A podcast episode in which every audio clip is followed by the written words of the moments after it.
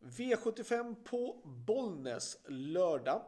Eh, lite frågande till vad det blir för sorts bana. Bollnäs är visserligen känd för att ha jättebra bana.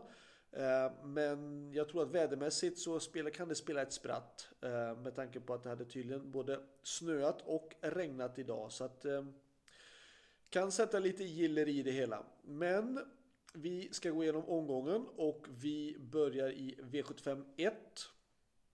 Jag väljer att gardera på ganska bra i V751. Jag har valt 1 Remarkable Feet, 2 Urgent Call, 3 Donners Am, 4 Mr Clayton JF och 5 Merit. Eh, det är väl de som jag kan tycka är mest intressant på förhand.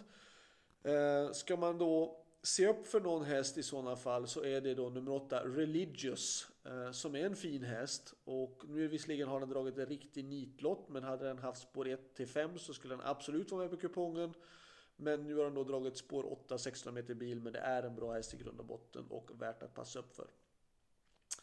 V75 2 garderar vi också på en hel del. 2 Beerfire, 3 Honey Journey, 4 Global Benefit, eh, 7 Baula, eller Baula, eh, 11 Krakas och 15 Lupin Håleryd.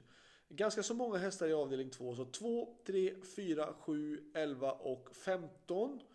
Och ska man plocka med någon mer häst, vad har jag valt då? Jo, då valde jag som varningen i sådana fall då nummer 8, Love You Sweden.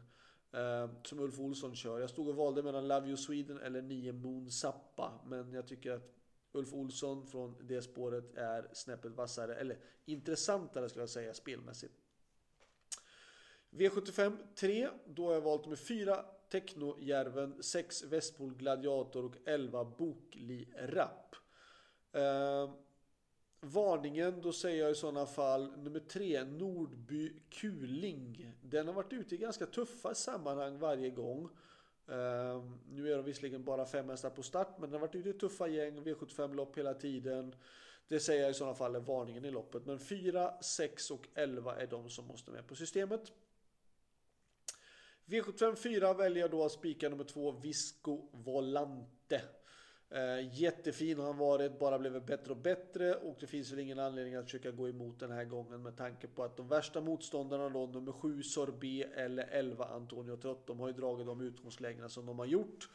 Så därför blir det då spik på nummer 2 Disco Volante. Eh, och varningarna, ja det är såklart Eh, finns det någon jag skulle varna för utom de här Sorbet och Antonio Trott så är det i sådana fall nummer 1 Coin Perdu för att den har utgångsläget som den har.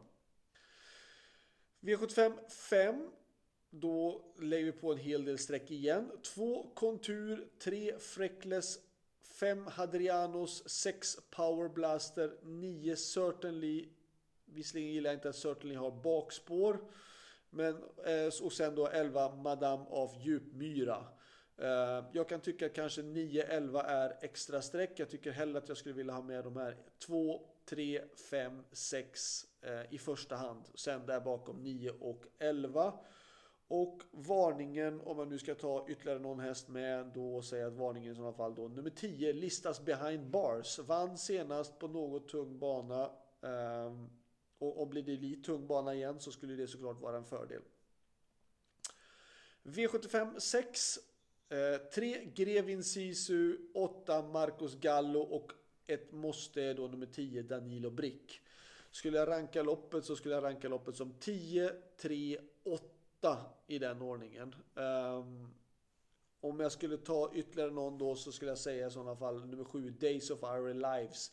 Erik Adelsson från springspår är alltid intressant. Hästen har gått ut och gått på V75, gått ganska bra.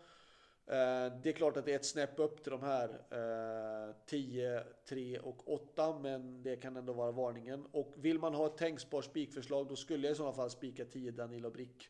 Eh, med tanke på då Kontio, Nurmos och att det är en jättebra häst. Eh, V75 7 går spiken däremot då till nummer 7 Västerbo Pokerface. Ehm, Västerbo Pokerface är en jättebra häst. Han har inte något problem med distansen. Det är klart att två Mascal Match och ett Goner är säkert jättebra motståndare. Men som om nu Västerbo Pokerface är som han var då när jag körde han i Skellefteå ehm, då tror jag inte att det finns någon fara på taket utan då är 7 Västerbo Pokerface en bra spik. Varningen i sådana fall eh, i det här loppet då. Värsta motståndare är ju då ett Goner och två Mascal Match. Men varningen ska jag vilja säga i sådana fall då. Jag tycker att det är lite intressant här. Uh, Erik Adielsson har valt att köra åtta Capta. Jag tror att han har säkerligen haft val mellan Capta och Twinkle Face har valt Capta. Eh, jag kan tycka att ändå att det är ganska intressant. Eh, den har visserligen ett dåligt utgångsläge men den har gått bra. Och ehm, ja, om den nu ska skrälla så är det ändå bara spelad till 1% just nu. Så det var allt. Lycka till så hörs vi igen nästa vecka. Då är det V75 igen ju. Ha det bra. Hej då.